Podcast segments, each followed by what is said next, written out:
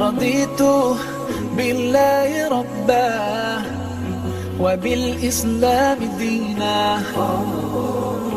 وبمحمد صلى الله عليه وسلم سلم نبيا ورسولا.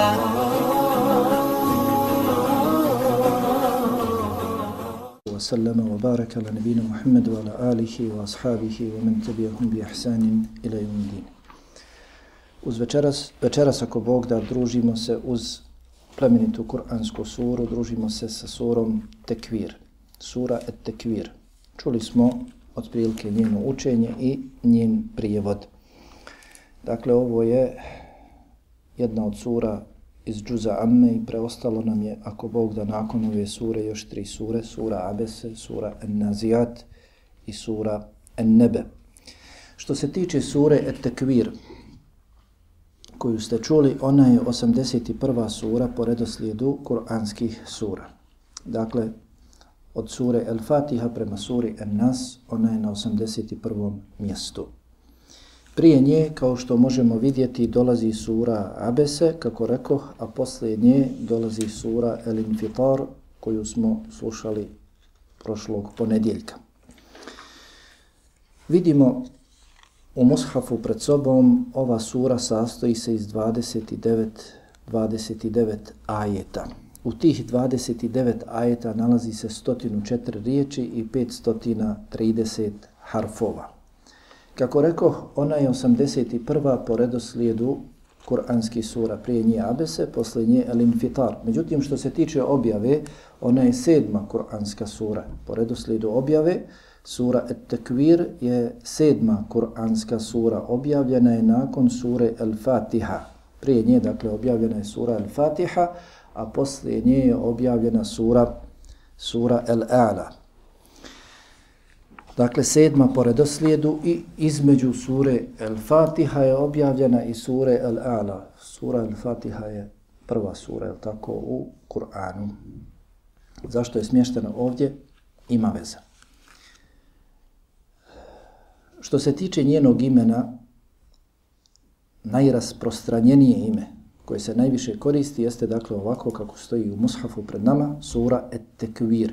Sura Et-Tekvir i dobila je ovo ime od glagola koji je upotrijebljen u prvom ajetu. Keuvaraju kevviru tekvir. Keuvaraju yukevviru tekvir. Kada Allah dželle vala kaže i da šemsu kuvirat. Došlo je ovdje kuvirat zato što je šems jeli, ženskog roda.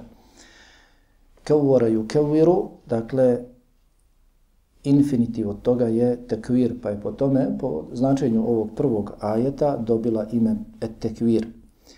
Što se tiče njenog imena u hadisima Allahovog poslanika sallallahu alaihi wasallam i također govorima ashaba, njeno ime je cijeli prvi kuranski ajet. Ide šemsu kuvirat. Ide šemsu kuvirat, kako spomnjao sam unazad dva, tri predavanja, hadisu Ibn Omera radijallahu anhuma je došlo da je poslanik sallallahu alaihi wa sallam rekao ko želi svojim očima kao da gleda sudnji dan, ko želi na Dunjaluku, kao da svojim očima gleda sudnji dan, neka uči određene sure, pa između ostalog rekao i da suku uvirat. Neka uči suru i da suku uvirat.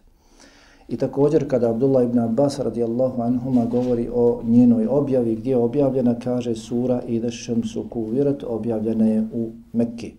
Dakle, kod imama Buharije u njegovom sahihu i također kod imama Tirmizije u njegovom sunenu, kada govore u svojim knjigama, dakle u tim svojim velikim enciklopedijama, odvojili su knjigu o tefsiru, kada govore o ovim surama, imenuju ovu suru po cijelom prvom kuranskom ajetu.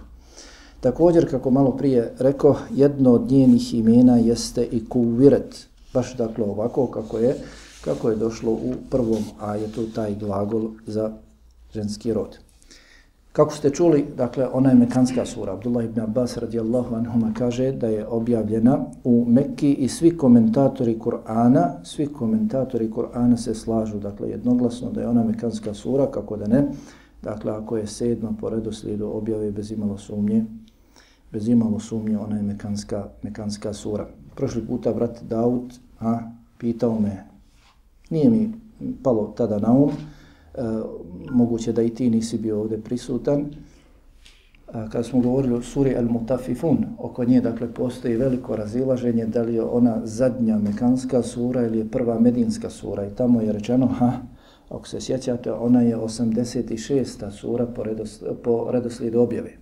Dakle, ako se uzme da je ona zadnja mekanska sura, onda 86 sura je objavljeno u mekanskom periodu, a preostalih koliko 26 je objavljeno u medinskom periodu. Dakle, sura Et-Tekvir je mekanska sura bez imalo razilaženja. Šta se bilježi u ovoj suri? Malo prije rekao hadis Ibn Omera radijallahu anhuma, da je poslanik alihi salucam rekao, ko želi da se ponaša, da se na, nalazi u takvom stanju kao da svojim očima gleda sudnji dan, neka uči suru i da šam su kuvirati, dakle druge sure, El Inšiqaq i El Infitar. I također spominje se u hadisu Amra ibn Hureysa radijallahu talan da je čuo poslanika sallallahu alaihi wasallam kako na akšam namazu uči wal إِذَا ida as as. Dakle, uči ovu suru pa ga je čuo jeli, kako uči ove, ove ajete, 17. ajetove sure wal إِذَا ida as as. Dakle, vjerovjesnik alaihi salatu sam ponekad bi ovu suru učio na, na akšam namazu. Cilj objavljivanja ove sure, dakle šta je cilj ove sure, šta se želi njome postići, postoje mnogi drugi ciljevi, ali dakle ono što je upečatljivo kroz nju, što se može zaključiti i što je najveća poruka ove sure i njen najveći cilj jeste da nam prikaže sudnji dan, što je god moguće slikovitije i također budući da o tim detaljima sudnjeg dana govori kroz Kur'an, također da potvrdi istintost Kur'ana. Cilj ove sure je dakle, da ukaže na sudnji dan da je on istina, spominjući prizore koji će se desiti na sudnjem danu, prizori koji će se desiti prilikom nastupa sudnjeg dana i kada nastupi sudnji dan, jeli, i također da ukaže na istintost Kur'ana, njegovu važnost, njegovu veličinu i važnost i ugled svih onih koji se druže sa Kur'anom, koji su vezani za Kur'an, kao što ćemo vidjeti kroz, kroz komentar. Kako rekao, ovo je sedma sura po redoslijedu objave. Objavljena je nakon sure Al-Fatiha, a prije sure Al-A'la. Sura Al-A'la je u džuzu Amme, međutim sura Al-Fatiha je prva. Kako je onda i zbog čega je smještena ovdje? Dakle, postoji jasna veza između sure Abese i sure En-Nazijat i ove sure El Et-Tekvir e i El Infitar. Pred kraj, kao što je poznato, dakle, ko pamti džuz Amme, pred kraj sura En-Nazijat i Abese govori se o nastupu sudnjeg dana. Govori se kada nastupi sudnji dan, šta će se desiti. Pa kaže Jalla Vala u suri An-Nazijat, fe idha džaeti tametul kubra. Kada nastupi najveća nevolja, tada će se čovjek sjetiti. Jel, I dalje. Dok u suri Abese, suri, dakle, prije ove, suri Tekvir, Allah Jalla Vala kaže, fe idha džaeti saha. Fe idha džaeti saha. Es-saha također je jedno od imena sudnjeg dana. Es-saha, čućemo ako Bog da sljedeći puta, ako nas Allah poživi dadne zdravlje života, Es-saha je zaglušujući glas. Jedno od imena sudnjeg dana jeste zaglušujući glas. Dakle, glas koji će se tada čuti i jeli, bit će takav. Pa dakle, u prethodnim surama, suri En-Nazijat i suri Abese, spominje se šta će se desiti kada nastupi sudnji dan, kako će biti stanje ljudi i slično dok u suri Tekvir koja dolazi nakon sure Abese i također suri Al-Infitar koja dolazi nakon sure Tekvir spominju se detalji prije nastupa sudnjeg dana. Spominju se znakovi, alameti ili da kažem predznaci prije nego li nastupi, prije nego li nastupi sudnji dan. O tom također, jeli, pogotovo govori sura Al-Infitar, a sura Et-Tekvir spomnje i te znake prije nastupa sudnjeg dana i znakove pojedine kada nastupi sudnji dan. Kao kaže Abdullah ibn Abbas, radijallahu anhuma, vidjet ćemo, jeli, kroz komentar, Allah subhanahu wa ta'ala otpočeo je suru Tekvir spominjući 12 događaja. Šest njih će se desiti pred nastup sudnjeg dana, a šest kada nastupi sudnji dan. Dakle, šest njih će se desiti kada počne nastupati sudnji dan. Dakle, dok se bude dešavao, dok bude dešavao sudnji dan. A kada nastupi, definitivno, kad ljudi budu proživljeni, onda će se desiti sljedeći šest koji se spominju u suri, u suri Tekvir. Hm. Pa dakle, Allah subhanahu wa ta'ala nakon bismillah s kojim je razdvojio ovu suru od prethodne sure Abese kaže idešem su kuvirat. Nema mnogo komentara oko ovih ajeta jer su dakle i previše, previše jasni. Ali u drugoj polovici i takako dakle ima mnogo poruka i pouka za nas. Kaže Allah subhanahu wa ta'ala i dešam su kuvirat.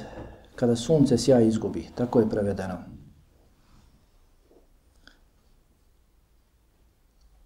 Kevoraju keviru znači saviti, skupiti, smotati. Kako je došlo u predanjima, u hadisima, da će sunce također sjaj izgubiti. Došlo je u hadisima Ebu Hureyri radijallahu talan, da je poslanik Alihi Salusam da je rekao da će sunce na sudnjem danu izgubiti sjaj. Kako, dakle, Allah subhanahu wa ta'ala će smotati sunce i baciti ga Smotati doslovno u arapskom jeziku znači presaviti ovako krajeve. Sakupiti. Dakle, sunce će biti skupljeno, sakupljeno i bit će bačeno. I ono i mjesec u džehennem. Izgubit će svoj sjaj. Ovo sada Allah subhanahu wa ta'ala govori, kako kaže Ibn Abbas, o tih šest događaja koji će se desiti prije nego li nastupi sudnji dan. Dakle, ili kod konkretnog nastupanja sudnjeg dana.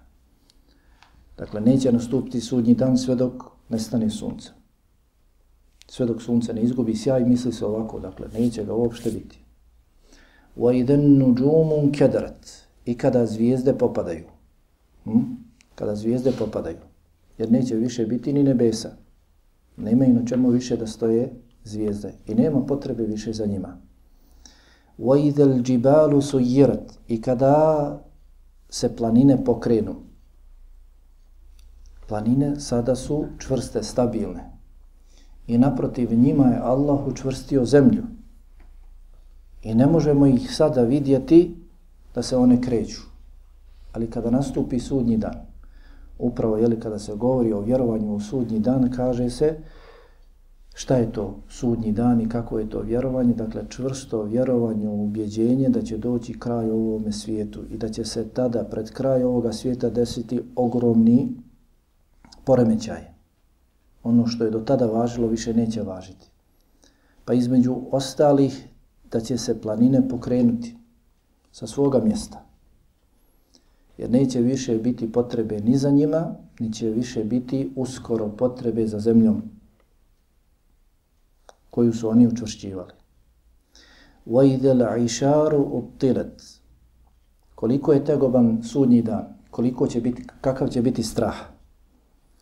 Naročito za one, ako uspijemo poruke, ja sam nekih 40 poruka izvadio. Naročito za one koji ne budu vjerovali. Ne budu vjerovali u sudnji dan, ne budu prihvatali, ne budu slušali. Mnogi danas nevjernici ne žele da slušaju o sudnjem danu. Ako ih slušaju, ismijavaju se sa sudnjim danom. Kao što su se i tada mušrici, mnogobožci ismijavali pa govorili, reci nam kada će se više desiti sudnji dan. I danas ne vjeruju. Ha? I zato se ne spremaju. Kada se desi nastup sudnjeg dana, bit će prestravljeni. Koliko će biti tegoban taj dan, ti trenuci, koliko će ljudi biti prestrašeni, kaže Đelavala wa idela išaru uptilet, kada ste one kamile bez pastira ostanu. Jeste tada Kur'an je objavljivan za vrijeme Arapa. Kod Arapa deve su bile najveće blago. I poznati su vam brojni hadisi, jel tako, kad se govori o pozivanju, čak poslanika Alihi salavcom da bi približio ljudima, ashabima u svoje vrijeme, koliko je to vrijedno, kaže da se neko odazove tvojim sebebom u islam, da primi islam, to ti je bolje od blaga crvenih deva, od stada crvenih deva. Još pogotovo ovdje se kaže Ešar. Ešar su, dakle, kako je prevedeno, steone deve u desetom mjesecu, To se kod Arapa smatralo najvrijednijim imetkom. Šta kaže Allah? Wa idel tilet. Kada se takve deve ostave, niko neće za njima mariti. A to je kod njih tada bio najveći imetak, najbolji imetak. Znalo se, je tako, znalo se voditi ratovi zbog, zbog deva. Međutim, kada nastupi sudnji dan, kada se ubijede da je istina, sudnji dan sve će se ostaviti. Nema dakle tog imetka za kojim će pohrliti, za kojim će trčati kada nastupi sudnji dan, kada se obistini da je sudnji dan istina. Kada se počnu dešavati ove velike promjene. Ha. وَإِذَلُوُ حُوشُ حُشِرَتْ I kada se sakupe životinje, odnosno divlje zvijere. Haj pofataj divlje zvijere ako možeš da ti još pogotovo dođu tamo gdje se nalaze ljudi, ne? To je poznato, dakle, da ako dolaze, dolaze zbog svog cilja, zbog svog plijena i vraćaju se. Povlači se. Ne, na sudnjem danu bit će sakupljeni pored ljudi. Allah će iskupiti životinje i čak, dakle, divlje zvijere. Sakupit će. Poznato je na sudnjem danu da dokaže svoju pravdu između životinja, između zvijeri će Allah subhanahu wa ta'ala presuđivati, davati i uzimati da dokaže ljudima šta njih čeka nakon životinja. Koliko će se uzimati od njih i davati. وَإِذَا الْبِحَارُ سُجِّرَتْ وَإِذَا الْبِحَارُ سُجِّرَتْ I kada se mora zapale. I kada se mora zapale. Seđeraju, seđiru znači zapaliti. I kada se mora zapale, od Abdullah ibn Abbas radijallahu anhuma se spominje da je on tumačio ovaj ajed da će Allah subhanahu wa ta'ala poslati vjetar na mora koji će ih, koji će ih zapaliti. Koji će zapaliti ta mora. Sada vidimo, voda nemoguće da gori. Jer kada počne nastupati sudnji dan, mijenjaju se zakoni. وَإِذَنْ نُفُرْ Ah, do ovdje, dakle, su ti događaji koji će se dešavati prilikom nastupa sudnjeg dana, jeli, Nakon ovoga ajeta, sedmog ajeta, spominju se događaji koji će se dešavati kada nastupi sudnji dan. Odnosno kada se ljudi prožive. Ovo je sve bilo prilikom prvog puhanja u sur, da kaže. Da će sunce izgubiti sjaj, da će zvijezde padati, da će e, planine se pokrenuti i podrobiti kod prvog puhanja u sur. I ovo je vrlo bitno, dakle, za kasniju poruku koju ćemo čuti. وَإِذَا النُّفُوسُ زُوِّجَتْ Sedmi ajet. Oko ovog ajeta, dakle, postoji nekoliko mišljenja. Mnogi nabrajaju. Ono koje, kako je prevedeno u postojećem prijevodu, dakle, to je, Allah najbolje zna, najispravniji prijevod. I kada se duše sa tijelima spare, dakle, kada se vrate duše u tijela, kada tijela budu proživljene i duše vraćene u njih. Pojedini kažu, hajde, može se uzeti to značenje, da će tada, kada budu ljudi proživljeni, da će biti dobri s dobrima, loši s lošima. Ha? Da će biti grupisani. Jedni idu pa kažu da će nevjernici uz nevjernike, da će biti šeitani. Za uvođaju, za uviđu znači i oženiti, znači i pridružiti, znači i sastaviti. Čovjek bio sam, pa još nekoga uz njega. Jeli? Kako se često kaže jeli, za drugi spol, za uđa ili za uđu muškarac ili žena, muž ili žena, može se koristiti jedan i drugi termin. Međutim, kažu komentatori isto, dakle, kada vjernici budu sa hurijama, kada nevjernici budu sa e, šeitanima i slično. Dakle, ono značenje koje je prvenstveno ovdje, najbitnije, koje dakle, odma pada u oči, jeste da se misli na duše, kada se duše sa tijelima spare. To je dakle proživljenje kada ljudi ustanu iz kaborova, vrate im se duše. Znači budu i tijelima i dušama tu. وَإِذَا الْمَوْعُودَةُ سُئِلَتْ بِأَيِّ ذَنْبٍ قُتِلَتْ Osmi i deveti ajet. Kao što je poznato, jeli, od sunneta je kada se uči Kur'an. Kada se uči Kur'an, od sunneta je. Ne kažem zabranjeno je, niti naređeno, kažem od sunneta. Ali mi bismo trebali i saznavati i učiti šta je i sunnet. Kako kaže jedne prilike še Safet, Allah ga poživio, ashabi su takmičili se da upoznaju šta je sunnet da bi ga praktikovali. Mi upoznajemo sunnet da bismo ga ostavili. Hajde, nije obaveza, nije vađib, nije fard sunnet, ha. Zato i jesu generacija koja nikada se neće sustići. A ima Malik prejasno je rekao, neće se popraviti završnica osim onako kako se popravila prethodnica, kako se prvi popravili. Prvi nisu pitali je li fard ili vađib, je li sunnet ili mustahab, mubah i slično, već su vidjeli poslanika alihi salavcam da radi. Najbitnije im je bilo da oni nešto ne urade što nije on radio. To im je najbitnije bilo. A je li fard ili vađib, toga nisu pitali sunnet i ostalo. Ha, pa je od sunneta poslanik alihi salavcam kada bi učio ajete, stajao bi na kraju svakog ajeta. Nije spajao. Nije spajao. Dozvoljeno je. Ali poslanik alihi salavcam nije ih spajao bez obzira što i drugi naredni ajet upotpunjuje prethodni. Kao što je ovdje idel me udetu su ilet. Kada živa, sahranjena djevojčica bude upitana šta? Bi eji dhanbin kutilet. Zbog koje grijeha je ubijena? kako kaže šehhul Islam ibn Taymiyyah rahimahullahu ta'ala u svojim fetvama, dakle, makar i narodni ajet, sljedeći ajet upotpunjavao prethodni kada se uči Kur'an, staje se na kraju svakog ajeta. Bez obzira što, kada proučiš i onaj koji poznaje jez, arapski jezik koji te sluša, zna da značenje nije završeno, već upotpunjuje se u sljedećem ajetu kada se uči Kur'an kao ibadet, onda dakle staje se na kraju svakog ajeta, to je sunnet poslanika alihi salatu, alihi salatu wasalam. Dakle, kada živa ude, dakle sahranjena djevojčica, bude upitana, bude dovedena na sudnji dan, bude dovedena djevojčica koju je njen babo živu zakopao. Ha. Nju će Allah pitati. Hoće li njega? Ha? I te kako? Kad Allah ovdje govori da će nju biti, da će ona biti pitana, da će nju pitati zbog čega je ona ubijena, onda možeš misliti kako će njega ispitivati zbog tog grijeha. Ha. Pa wa idal mau'udatu su'ilat bi ayyi. Kada živa sahranjena djevojčica, dakle ona koja je imala život, bude upitana zbog čega je ubijena. Zbog koje grijeha. I kažu komentatori savremeni da se ovdje misli i na abortus. Da se ovdje misli i na abortus. Pogotovo, dakle, nakon četiri mjeseca, kada se udahne duša.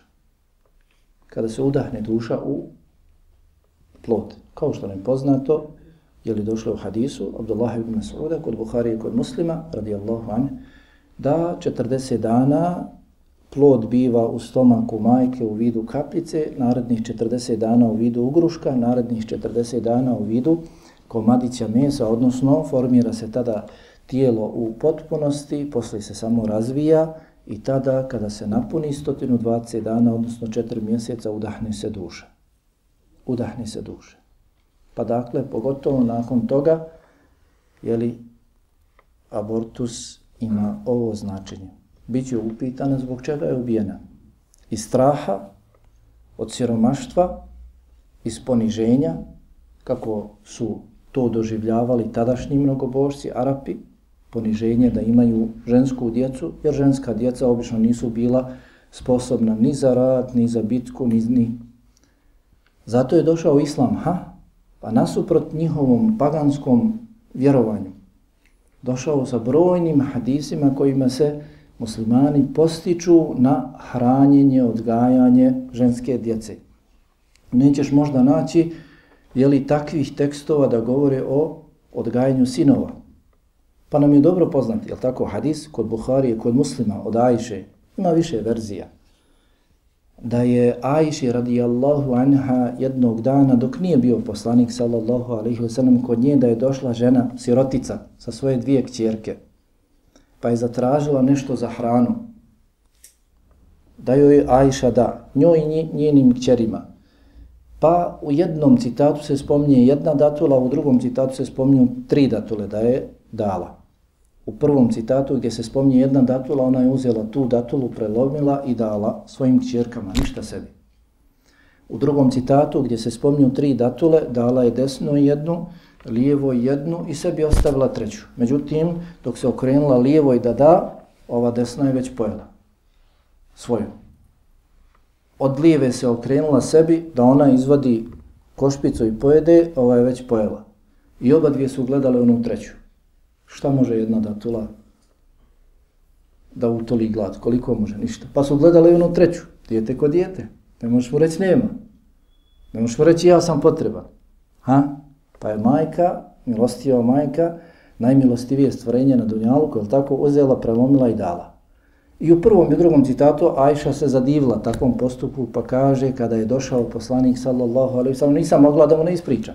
Ispričala sam pa je vjerovjesnik sallallahu alaihi wasallam u prvom citatu gdje se spominje jedna datula rekao kome Allah da kćeri pa lijepo postupi prema njima bude ih lijepo odgajao one će mu biti kunne lehu sitran minen nar. One će mu biti pregrada od džehennemske vatre.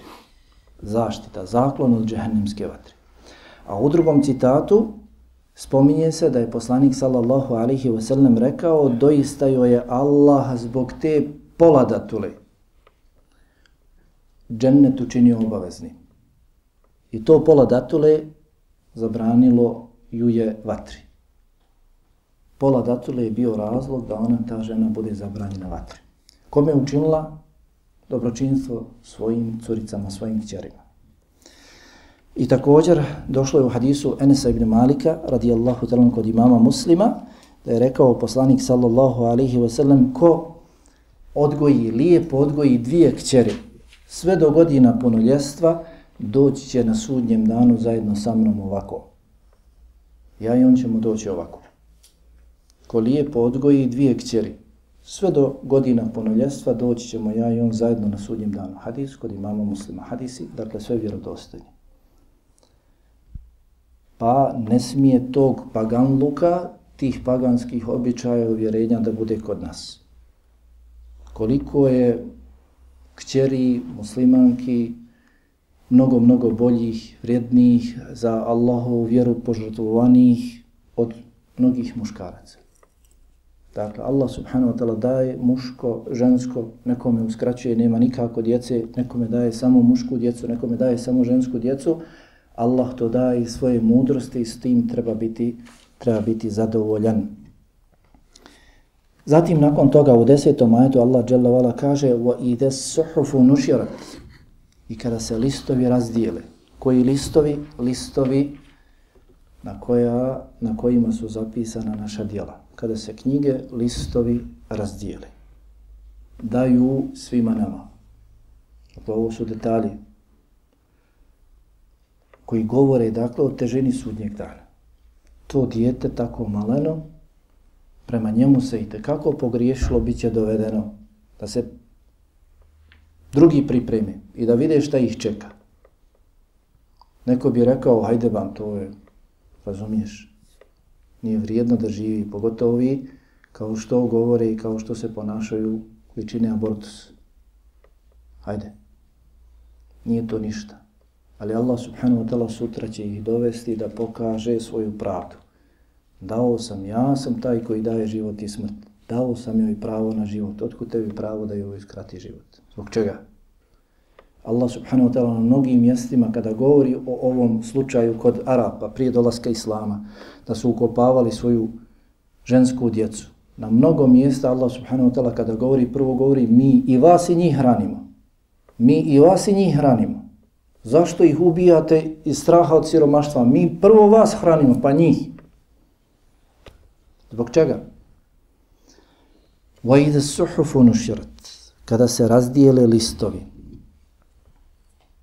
podijeli nam se knjige. وَإِذَا السَّمَاءُ كُشِطَتْ وَإِذَا السَّمَاءُ كُشِطَتْ Kada se nebo ukloni. Kaže se u tefsirima, dakle u arapskom jeziku, ovaj glagol znači otklonuti, sklonuti poput, vjerujem, svi smo to vidjeli, kada se, nakon što se zakolje ovca ili krava, kada se guli koža. O, sve se odguli. Kažu, tako će se nebesa. Allah ne bilje zna. Dakle, taj termin znači, na takav način, kao što se koža odlijepi od mesa, tako će se nebesa sklonuti. وَإِذَا الْجَحِيمُ سُعِرَتْ I kada se džehennem raspali. Poznato je, do sad sam mnogo puta spomnio, jer uglavnom mekanske sure govore o ovim događajima, da će se džehennem dovući na sudnji dan. Da će se džehennem dovući. Džehennem postoji. Allah ga je stvorio. On jeste stvorenje i postoji. Dovuće se na sudnji dan. Spomnije se li u hadisima koliko je ogroman. Wa idhal jannatu uzlifat i kada se džennet približi kada se džennet pripremi za svoje prve stanovnike. Kada se džennet približi, odnosno približi se ulazak u njega. Kaže Allah subhanahu wa ta'ala, nakon toga alimet nefsum ma ahdarat. Alimet nefsun, došlo je neodređeno. Svaka duša će znati šta je uradila. Svaka duša će znati šta je uradila, jer će imati pred sobom knjigu imaće pred sobom knjigu. U knjizi će vidjeti sva svoja djela, dobra, loša. Kada vidi ko se sve ispituje, kada vidi pred kim, kome će se sve presuđivati, uvidjet će da je to tegoban dan, da je to težak dan, da se ništa ne može sakriti, kada će se između tih zvijeri, između tih životinja izvesti dvije ovce, jedna koja je imala rogove, druga koja nije imala rogove i ona koja nije imala rogove utukla ju je ova koja je imala rogove, pa će Allah dati da joj ova vrati. Neće mu naumpast da potraži bilo kakvo opravdanje sebi. Neće mu naumpast da bilo šta slaže prekrije. Neće moći. Vidjet će kakva je tegova. Taj dan koliko je tegova. Ali najvažnije poruke iz ovakvih ajeta jeste da mi to danas, zato je poslanik Alehi sam rekao ko želi da gleda sudnji dan svojim očima neka čita. Najvažnije je da se mi pripremimo za ovo. Da se mi pripremimo za ovo. Kako kažu komentatori mu fesiri, i to je nama poznato, jel tako, iz vjerodostojnog hadisa kod imama muslima, da će Allah subhanahu wa ta'ala pred kraj ovoga svijeta poslati ha, vjetar, iz Šama koji će uzeti duše vjernika. Ovo što si čuo od šest događaja koji će se desiti prilikom prvog puhanja u sur, to neće doživjeti vjernici. Ako hoćeš da ne doživiš, Allah najbolje zna kada je sudnji dan. Možda je blizu. Blizu jeste sigurno, ali je li mako, makoliko je li potrajalo vrijeme do nastupa sudnjeg dana, blizu je koliko je prošlo. Koliko je prošlo vremena ako zaživimo, ako se desi, a mi želimo da se ne desi nad nama, onda jačajmo svoj iman, svoju pokornost Allahu subhanahu wa ta'ala. Jer se jasno u hadisu kod imama muslima kaže da se ne, u ovom hadisu kada Allah pošalje vjetar i uzme duše vjernika neće nastupiti sudnji dan osim nad najgorim stvorenjima. Osim nad nevjernicima koji će munker podržavati, zlo podržavati sa dobrim, dobra neće uopšte biti. Pa ako želimo da ništa od ovoga ne doživimo, onda jačajmo svoj iman i svoju, svoju pokornost Allahu subhanahu wa ta'ala. A zatim ovih šest događaja koji će se desiti nad svima nama, svi ćemo biti proživljeni, svi ćemo gledati te detalje oko nas, onda opet jačaj svoj iman i svoju pokornost da budeš koliko toliko siguran, jeli, da budeš koliko toliko siguran od ovoga straha. Jer će najviše biti zaprepašteni nevjernici koji nisu očekivali, nisu se pripremali, pripremali za ovo. Eh, Allah govori o svem ovome. Ovo ne možemo sada vidjeti, doživjeti. Ovo treba vjerovati. Na osnovu čega nam ovo Allah govori? Putem čega govori? Putem objave. Zato nakon ovih 14 ajeta posle dole Allah govori o istinitosti Kur'ana. Jer mi kroz Kur'an upoznajemo se uglavnom sa ovim događajima. Da neko ne bi posumnjao, Allah subhanahu wa ta'ala govori kakva je njegova knjiga, ko je donosio, kome je donosio, kakvi su oni i kakva je sama knjiga Kur'an i Kerim. Pa Allah dželovala prije nego li počne govoriti o svojoj knjizi Kur'anu i onome putem koga je dostavljen Kur'an, zaklinje se sa nekoliko zakletvi. Pa kaže, Fela uqsimu bil hunnes, el džavari il kunnes, vel lejli idha as as, subhi idha tenefes. Tako mi zvijezda, kako je prevedeno ovdje, tako mi zvijezda koje se skrivaju, koje se kreću iz vida gube. Hm? Ovdje se misli svakako na zvijezde koje se ne vide po dani, vide se po noći. Ha?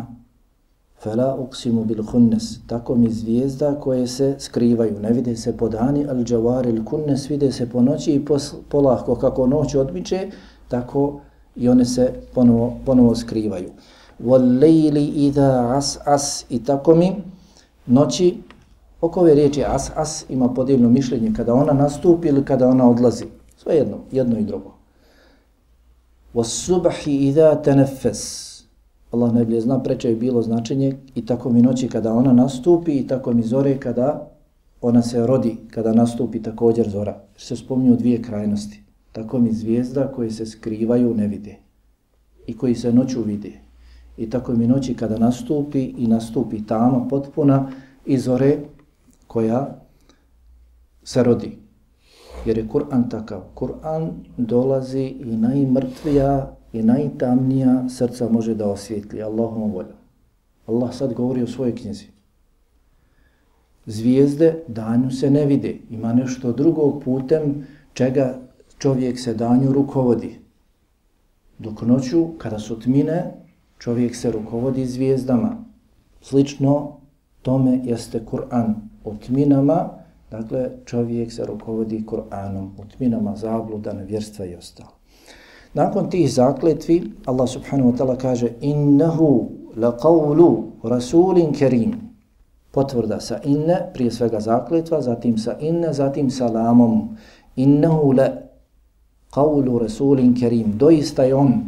Ha, nije rekao Kur'an. Vidiš ovdje, nigdje ne stoji Kur'an. Ha. Zašto?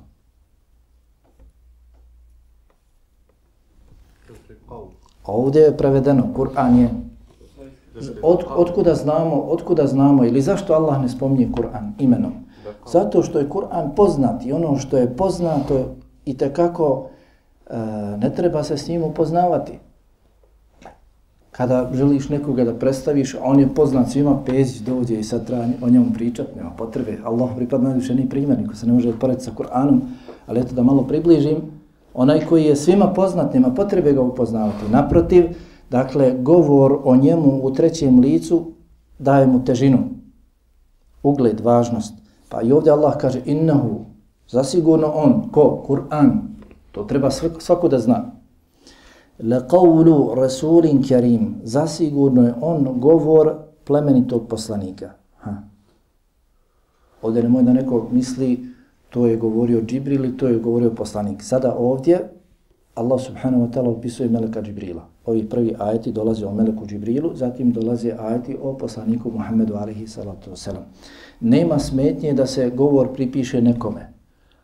Alem preuzeo od Nedima i kaže Alem rekao. Jeste Alem rekao, od koga je potekao govor? Ko je vlasnik tog govora? Ko je prvi govorio? Allah subhanahu wa ta'ala ovdje o tome ne govori. Već govori putem koga je dolazila objava putem meleka. A ko je on? Dakle, on je melek, on je Allahov poslanik. Jer, jer uh, Allah dželovala je uzimao, kako je uzimao od ljudi poslanike, isto tako uzimao je od meleka poslanike. Pa Allah subhanahu wa ta'ala sada ovdje kada opisuje meleka Džibrila spomni sedam njegovih osobina. Jedna osobina da je poslanik. Od meleka. On je bio poslanik. Kerim. Prevedeno je plemeniti. Kerim ili, ha, nama je poznata također riječ keramet. Tako? To je to. Dakle, nešto posebno. To je poseban poslanik koji kod Allaha ima posebno mjesto, plemenito. On je kod Allaha plemenit. Zi kuva inde zil arši, ha, on je ogromne snage kod vlasnika arša, kod Allaha subhanahu wa ta'ala. Allah ga je učinio da je Melek Džibril ogromni snage. Jer dolazi sa Kur'anom, dolazio je sa objavama. To nisu obični govori. Kao što Allah subhanahu wa ta'ala kaže poslaniku alaihi salatu sam inna se nulqi alaike qawlen thaqila mi ćemo ti dostavljati težak govor. Ne može svako da podnese taj govor, da izdrži govor. Pa je dolazio Melek Džibril s tim. Misli se i na tu snagu i misli se svakako na je li tu fizičku snagu. I poznato nam je, tako kada se tamo govori, često to spominjem, kada se govori o uništenju lutovog naroda koji je bio ogrezao u grijehu, posebnom grijehu, da je Melek Džibril samo jednim svojim krilom od šestotina krila. Poslanik Alihi Salatu Oslam, evo ovdje dakle spominje se to jedno viđenje kada ga je vidio u njegovom stvarnom liku i spominje se drugo, drugo viđenje. Ovo je dakle viđenje na Dunjavuku, a drugo viđenje je bilo kada je bio Isra i Mirađ. Pa je samo jednim od tih šestotina krila zarovio dole ispod zemlje lutovog naroda i digao do prvog neba i okrenuo. Di kuva, onaj koji ima ogromnu snagu. Poslanik, plemenit, ima ogromnu snagu, mekin, onaj koji je kod vlasnika Arša, kod Allaha subhanahu wa ta'ala, kod gospodara Arša, onaj koji je pouzdan. Odnosno cijenjen. Mekin, dakle, onaj koji je, e, koji je cijenjen. Allah mu daje, pridaje mu pažnju.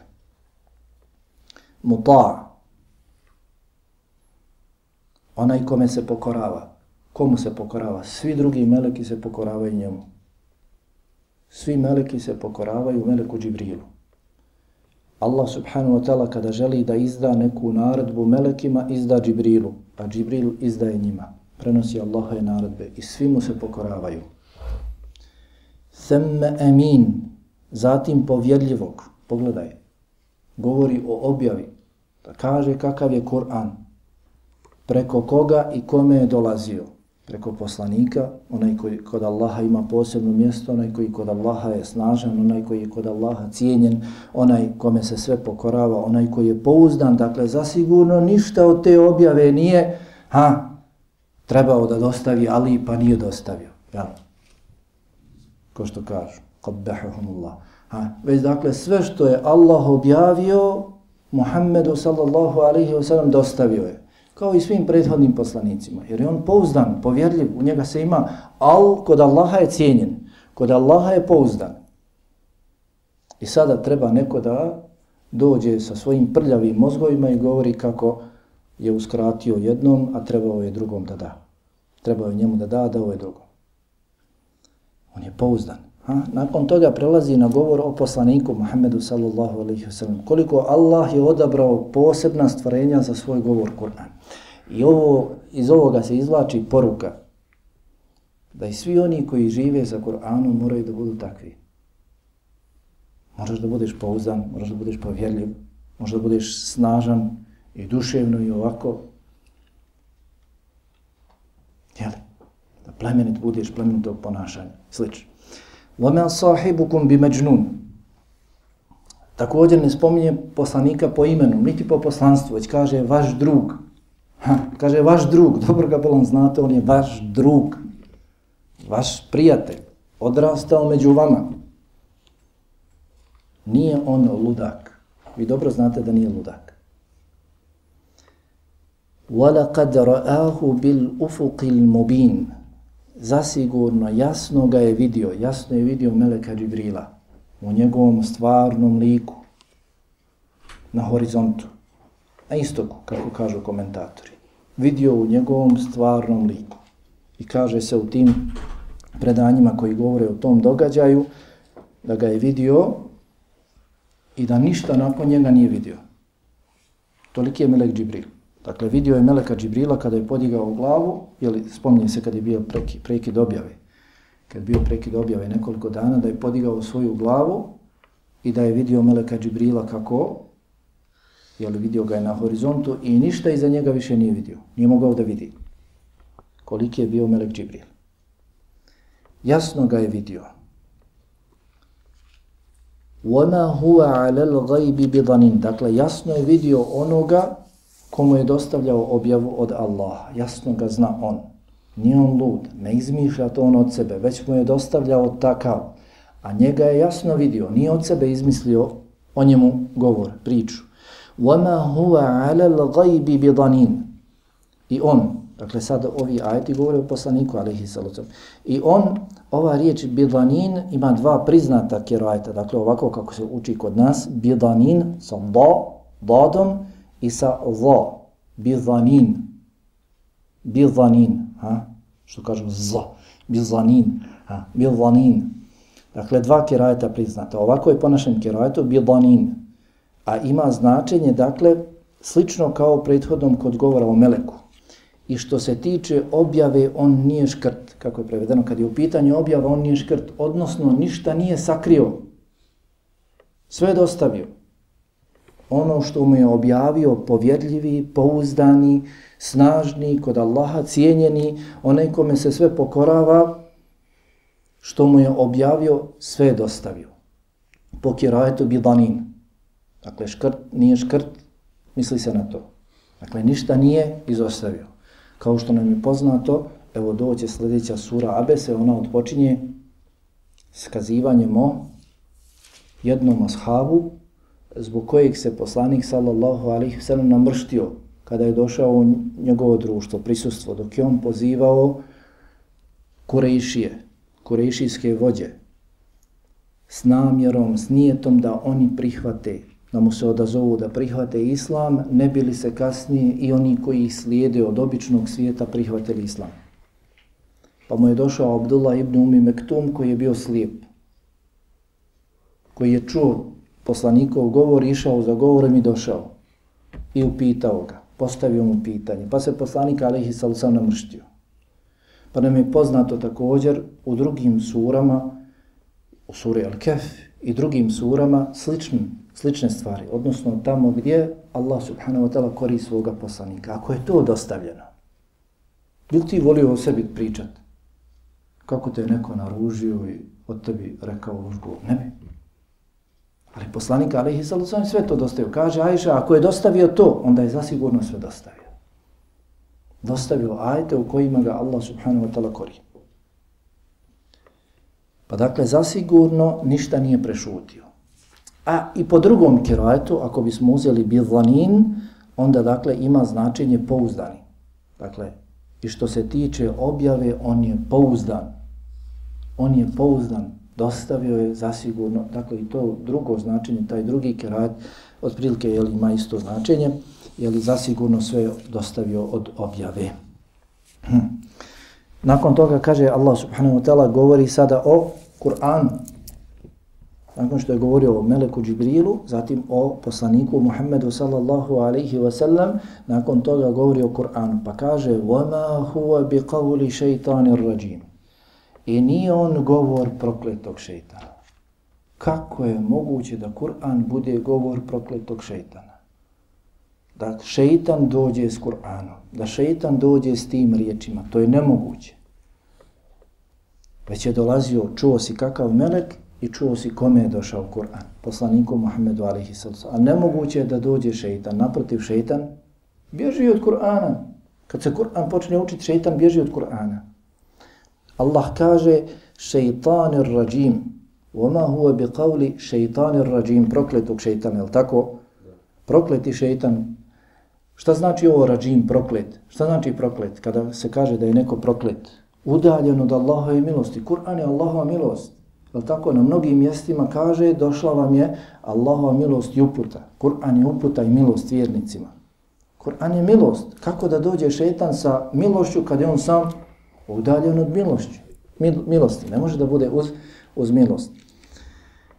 Zato kaže fe ejne tedhebun, Kuda bon, bolan to idete?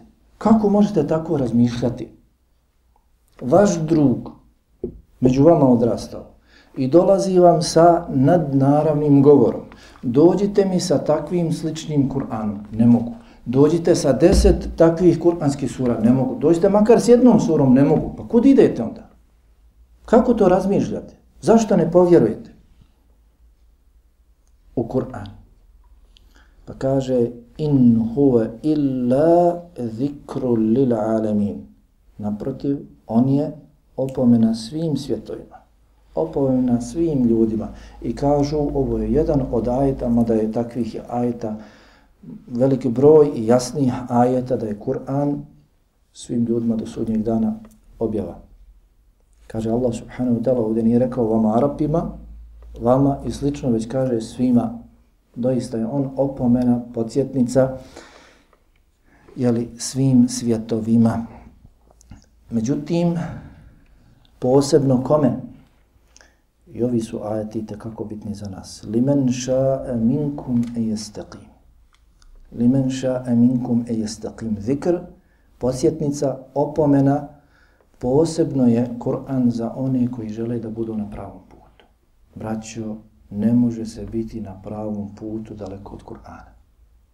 Ne može se tražiti uputa negdje drugo mimo Kur'ana. Allah prejasno kaže.